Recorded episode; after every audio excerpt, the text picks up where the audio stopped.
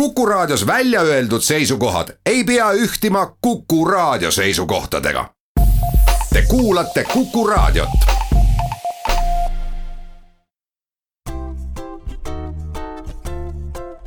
patsiendiminutid, Patsiendiminutid toob teieni Eesti Patsientide Liit.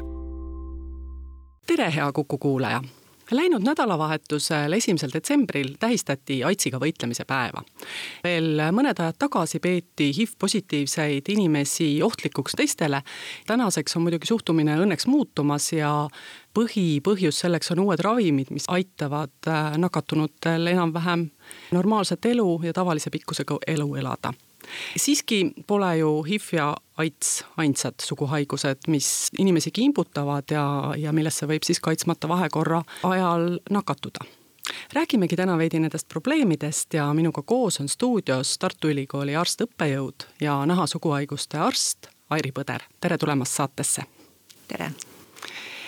no kui inimesele öelda nahaarst, siis meenuvad kõigepealt talle ilmselt allergiad või siis ka nahavähk palju vähem ilmselt gonorrea või HIV-positiivsus. miks siis nahahaigused ja suguhaigused on ühe arsti jaoks samasse erialasse kokku pandud? sinna on pikk ajalugu. naha- ja suguhaigused on ühendatud ainult Euroopas. kõikidel teistel kontinentidel on nahahaiguste arstid ja on arstid, kes tegelevad suguhaigustega. Euroopas need erialad on eristatud Inglismaal, Iirimaal ja Maltal ülejäänud Euroopa riikides on naha- ja suguhaigused ühe spetsialisti rida, kuigi tegelikult on tegemist absoluutselt kahe erineva erialaga. ja sellega me peaksime ütlema suur tänu doktor Hoffmannile, kes kunagi aastatel tuhat kaheksasada ja nii edasi avastas süüfilise.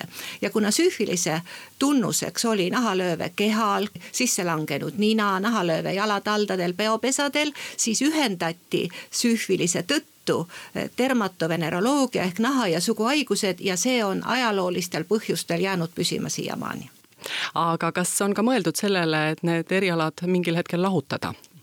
inglased ja iirlased on väga õnnelikud, et need erialad on eraldi. Euroopas ei ole sellele mõeldud, millest on mõnes mõttes minul kes ma olen nagu rohkem veneroloogilise suunitlusega isegi kahju, sellepärast et, et kuna need erialad on ühendatud, dermatoveneroloogia, siis veneroloogia on jäänud kindlalt sinna vaeslapse ossa. sest dermatoloogidel on ilusüüstid, dermatoloogidel on kõikvõimalikud nahakasvajad. ressurss, mis eraldatakse dermatoveneroloogiale, läheb väga suuresti enamikus Euroopa riikides ja eriti Eestis läheb see dermatoloogiale kui Eesti vabanes kolmkümmend aastat tagasi, sai taas iseseisvaks, siis ka suguhaigustega olukord muutus võrreldes nõukogude ajaga, aga kui nüüd vaadata tagasi sellele kolmekümnele aastale, et kuidas suguhaigustes nakatumine ja nende ravi on muutunud ja, ja milline see olukord on täna? Ma läheks veel kaugemale. ma läheks tegelikult seitsmekümnendasse, seitsmekümnendad aastad olid maailmas seksuaalrevolutsioon. oli kõik olemas, et seksuaalelust saaks tunda täit rõõmu. naistel olid juba olemas rasestumisvastased vahendid, inimkond oli loonud penitsiliini, mis tähendas, et suguhaigused olid muutunud ravitavaks ja ei olnud veel tulnud esile AIDS. tähendab, IHV-i avastati alles kaheksakümnendate alguses. ja, ja see tähendas seda, et oli ohjeldamatu seksuaalelu kõrgperiood üle maailma selles mõttes, et haigused olid ravitavad, rasedust polnud vaja karta. midagi taolist jõudis Eestisse üheksakümnendatel. ennem seda oli suguhaigused väga tugevalt ohjatud Nõukogude väga rangete seaduste järgi, kus MSM ehk meestel, kellel on seks meestega, oli kriminaalkorras karistatavad. suguhaiguste kontakte otsiti ja partnereid otsiti suisa töökohtade ja ühel korral isegi suisa ajalehe kaudu ja nüüd äkki toimus üheksakümnendatel vabanemine. hirm AIDSi eest ei olnud veel Eestisse jõudnud.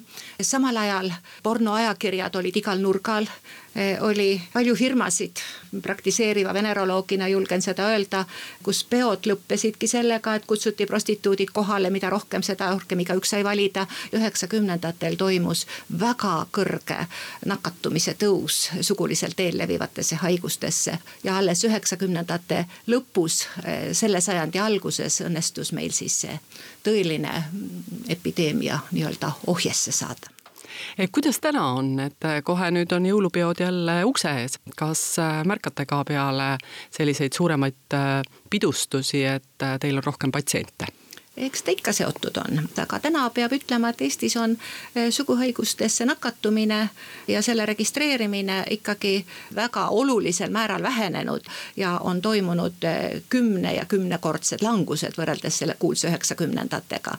eks selle põhjuseks on kõigepealt väga kvaliteetne diagnoos, kvaliteetne ravi ja inimeste teadlikkuse kasv no kui võib üldse üldistada, et milline üks teie keskmine patsient on, on ta pigem mees või naine, on ta pigem noor või vana?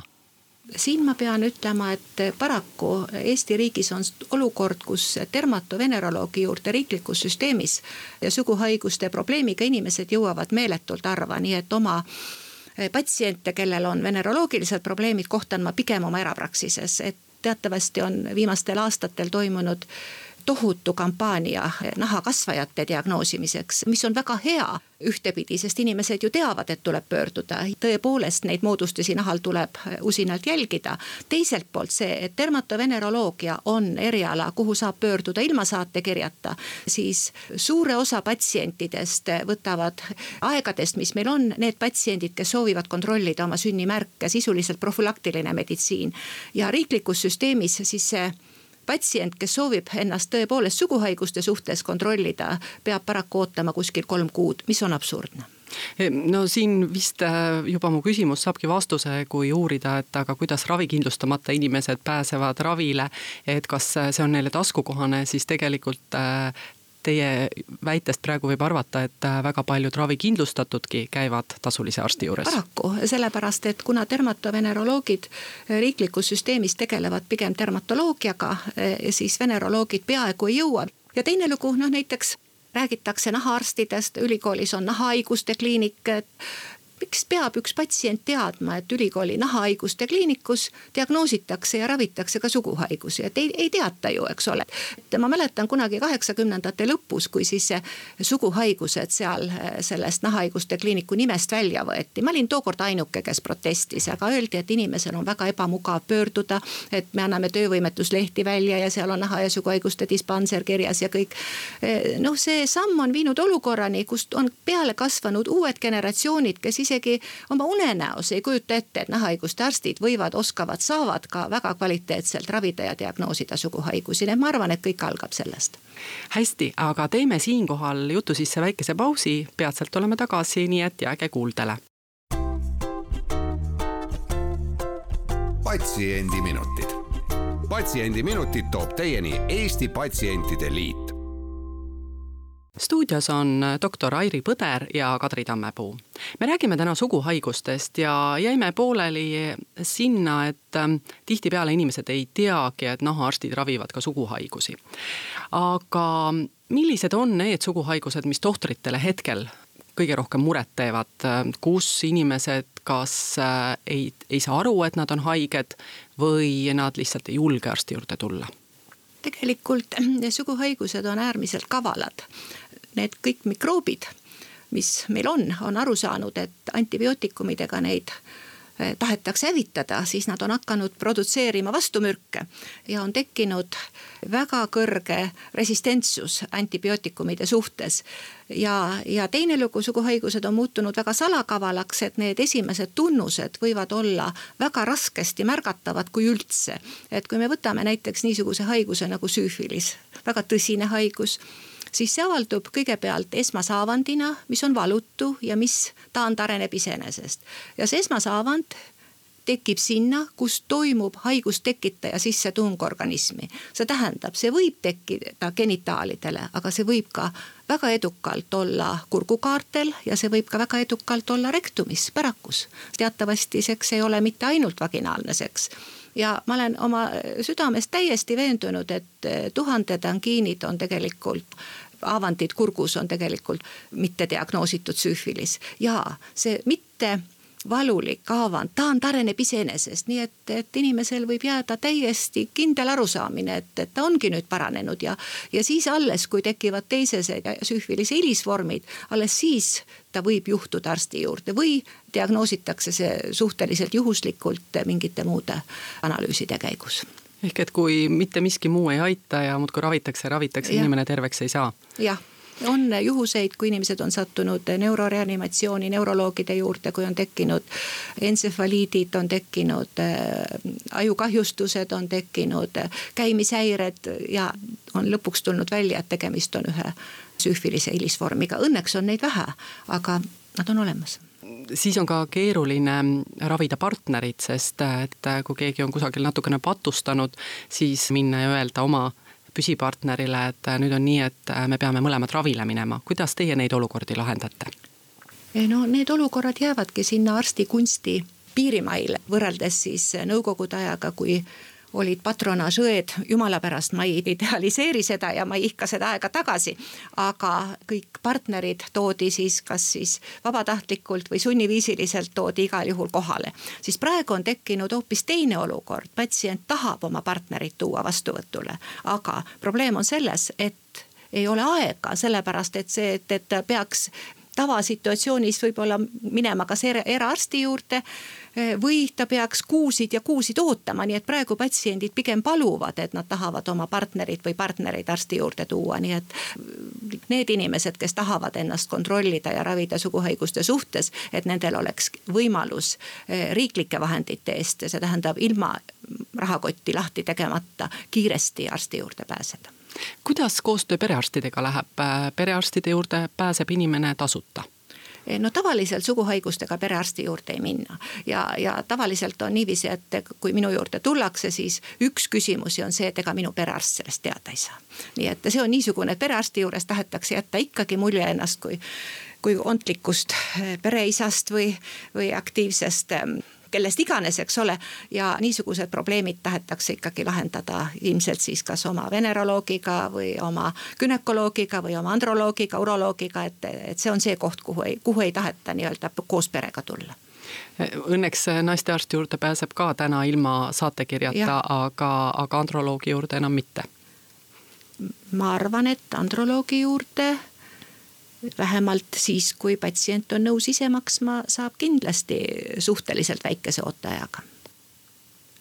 see, et äh, HIV positiivsete ravi on äh, inimeste jaoks äh, väga kättesaadav, ka ravikindlustamata inimesed saavad ravi ja ravi on hästi talutav ja võimaldab elada nii, et ei nakatata partnerit, saab kanda lapsi ilmale. kas see on mõjutanud ka inimeste käitumist, et enam ei ole sihukest hirmu, et kaitsmata vahekord võib viia väga raskete tagajärgedeni. jah, see on mõjutanud inimeste käitumist ja, ja on põhjust karta, et sellega seoses võib tekkida ka uus suguhaigustesse nakatumise tõus, sest siiamaani oli ju tegelikult hirm aidsi ees see, mis hoidis võib-olla nii mõnegi juhusliku vahekorra tagasi kuna praegu on IHV krooniline haigus, mis on täiesti kontrollitav ja kuna on olemas ka turul niisugune preparaat nagu Truvada mida on praegugi võimalik Eestis välja kirjutada, mis tähendab seda, et kui sa seda pidevalt tarvitad, kas ennem eh, vahekorda uue partneriga või pidevalt, siis tähendab see seda, et see hoiab ära AIDSi nakatumise suure tõenäosusega. ja Euroopa teistes riikides Eh, kus seda preparaati on juba aastaid eh, kasutatud, on see igal pool toonud kaasa suguhaigustesse nakatumise olulise tõusu ja teine probleem on see, et ma olen täiesti veendunud, et meil on ka väga oluline osa sugulisel teel levivaid infektsioone tegelikult diagnoosimata. sellepärast, et sugulisel teel levivad infektsioonid tungivad organismi siis kõikidest nendest piirkondadest, kus toimub seks, see tähendab siis oraalne seks, vaginaalne seks ja rektaalne seks. me Eestis praegu uurime patsiente ainult äh, vaginaalse seksi suhtes, üksikud erandid, kui me võtame siis äh, proove nii kurgust kui ka rektumist on rahvusvahelistel konverentsidel olnud korduvad ettekanded, on artiklid, mis tõestavad, et kui me uurime patsiente ainult ühest lokalisatsioonist, siis me tegelikult kaotame, kaotame võib-olla poole, kui mitte suurema arvu suguhaigusi, nii et, et tegelikult meil on seda arenguruumi ikka päris palju. milleni see viib, kui suguhaigus jääb ravimata? see on erinevatel suguhaigustel on erinevad tüsistused kõige olulisem ehk on klamidioos, mis võib viia viljatuseni, mis võib viia krooniliste munasarja põletikeni, mis võib viia krooniliste põletikeni meeste urogenitaaltraktis ja, ja sealt juba kaasa siis samuti viljatus, potentsi langus või vähenenud seksuaalvõimekus. On olemas viirushaigused, HPV infektsioon, millel on HPV onkogeensetel tüvedel on ju otsene seos eh, vähiga, nii emakakaelavähiga kui ka vähiga meeste suguelunditel. paraku see tüsistuste esinemise tõenäosus on suhteliselt kõrge. kui te peaksite võrdlema nooremat ja vanemat patsienti, kas nende käitumine on ka kuidagimoodi erinev, et mm, noorte jaoks on tänapäeval ju noorte seksuaaltervisekliinikud, äh, tihtipeale räägitakse suguelust äh, ja ka haigustest äh, ka koolis. Ütleme, sellised keskealised ja vanemad, nemad elavad selle pagasiga, mis nad nõukogudeaegsest koolist kaasa said. Jah, see erinevus on olemas, praegu kindlasti seksuaaltervise alane ettevalmistus on kordades kõrgem eh, generatsioonil kakskümmend pluss ja kolmkümmend pluss, kui võib-olla, võib-olla sealt edasi, nii et, et see, see on märgatav vahe. ja teine lugu ka, et võib-olla noorem põlvkond on suhteliselt äh, julgem, võib-olla seda valehäbi on nagu vähem, et see on tegelikult üks meditsiini osa ja see on haigus nagu, nagu iga teinegi, et see ei ole mitte midagi niisugust, mille pärast peaks mingit moodi häbenema. see on, see on haigus ja see on probleem, see tuleb lahendada ja mõlemale poolele väärikust ja, ja lugupidamist säilitades, nii et, et vanemal generatsioonil ilmselt on jäänud seda hirmu selle kunagise vendispanseri ees nõukogude ajal, et, et see on nagu, nagu rohkem sees ja on rohkem seda stigmatiseeritud käitumist ehk aga mida siis lõpetuseks äh, arvata või mis on teie soov, et äh, kus suunas äh, peaks liikuma Eesti tervishoid, et suguhaigused oleks lihtsamini avastatavad ja inimesed pääseksid paremini arsti juurde? ma arvan, et Eesti tervishoid peaks eelkõige järgima ülemaailmse tervishoiuorganisatsiooni juhiseid, kus tuleks riiklikult tagada suguhaiguste kontroll riiklikest vahenditest patsiendile samal päeval nii nagu see on Inglismaal, nii nagu see on enamikus arenenud riikides ja see peaks olema kindlalt dermatoveneroloogide pärusmaa samal päeval eh, tasuta anda oma testid loodame siis, et äh, selles suunas ka liigutakse ja sellised äh, kiirkliinikud Eestis mõne aja pärast võiksid elujõu saada. kiirkliinikud on olemas, ainult et seal tuleb rahakott lahti teha. selge, et riik siis kuidagimoodi neid ka ja. toetaks. suur aitäh äh, saatesse tulemast, äh, Tartu Ülikooli õppejõud ja nahasuguhaiguste arst, doktor Airi Põder. ja täname ka kuulajaid, saadet juhtis Kadri Tammepuu. oleme taas eetris järgmisel nädalal ja seniks olgem terved. patsiendiminutid Patsiendiminutid toob teieni Eesti Patsientide Liit